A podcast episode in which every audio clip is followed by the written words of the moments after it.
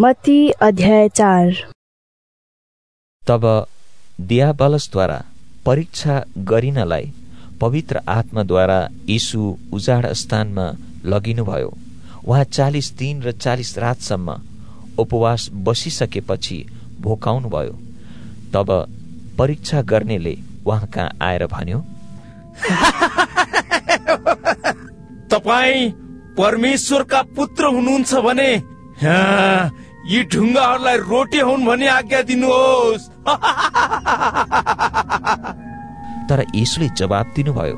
लेखिएको छ मानिस रोटीले मात्र होइन तर परमेश्वरको मुखबाट निस्केको हरेक वचनले जीवित रहँदछ। तब दियाबलसले उहाँलाई पवित्र नगरमा लगेर मन्दिरको शिरमा खडा गरायो र उहाँलाई भन्यो तपाईँ परमेश्वरका पुत्र हुनुहुन्छ भने यहाँबाट तल हम फाल्नुहोस्। किनभने यस्तो लेखिएको छ। उहाँले आफ्ना दूतहरूको जिम्मामा तिमीलाई दिनुहुनेछ र तिनीहरूले तिमीलाई आफ्ना हात हातै थाम्नेछन् नत्र त तिम्रो खुट्टा ढुङ्गामा ठोकिनेछ। यीशुले त्यसलाई भन्नुभयो लेखिएको छ तैँले परम प्रभु आफ्ना परमेश्वरको परीक्षा नगर्नु। फेरि दयाबलसले उहाँलाई एउटा अल्गो पर्वतमा लगेर संसारका सबै राज्य र तिनको वैभव उहाँलाई देखायो र उहाँलाई भन्यो तपाईँले खोप्टेर मलाई दण्डवत गर्नुभयो भने यी सबै थोक म तपाईँलाई दिनेछु।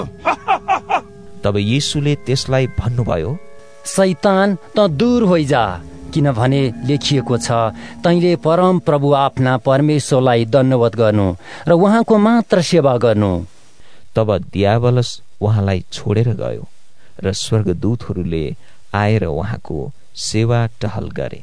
यहुन्ना थुनामा परे भन्ने सुनेर यसु गालिलतिर लाग्नुभयो र नासरत छोडेर कपर्नहुममा गई त्यहाँ बास गर्न लाग्नुभयो। यो सहर जबुलुन र नप्तालीका क्षेत्रमा समुद्रको किनारमा पर्छ। यसैया अगमवक्ताले भनेको वचन यसरी पूरा भयो। जबुलुनको मुलुक र नप्तालीको मुलुक यर्दन पार समुद्रतिर अन्य जातिहरूको गालिल अन्धकारमा बस्ने मानिसहरूले एउटा ठुलो ज्योति देखेका छन्। मृत्युका छायाको देशमा बस्नेहरूमाथि एउटा ज्योति उदाएको छ। त्यस बेलादेखि प्रचार गर्दै यीशुले भन्न लाग्नुभयो पश्चाताप गर किनभने स्वर्गको राज्य नजिक आइपुगेको छ।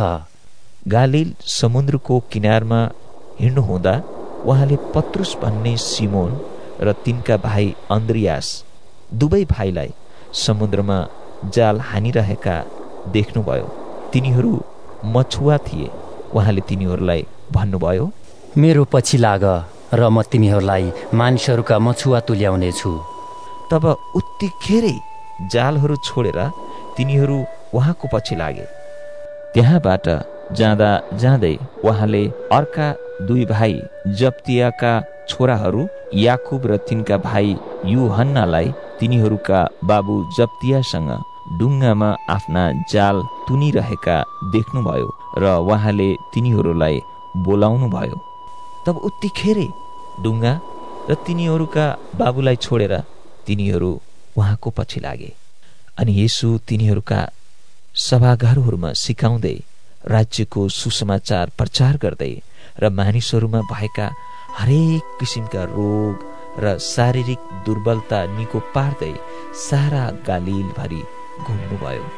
उहाँको कृति सिरियाभरि फिजियो र बिरामीहरू अर्थात् विभिन्न प्रकारका रोग र पीडाले सताइएका भूत लागेका र छारे रोग लागेका र पक्षाघात भएकाहरू सबैलाई मानिसहरूले उहाँ कहाँ ल्याए?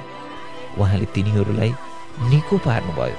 अनि गालिल डेकापोलिस यरुसलेम यहुदिया र यर्दन पारीदेखिका ठुला भिडहरू उहाँको पछि लागे।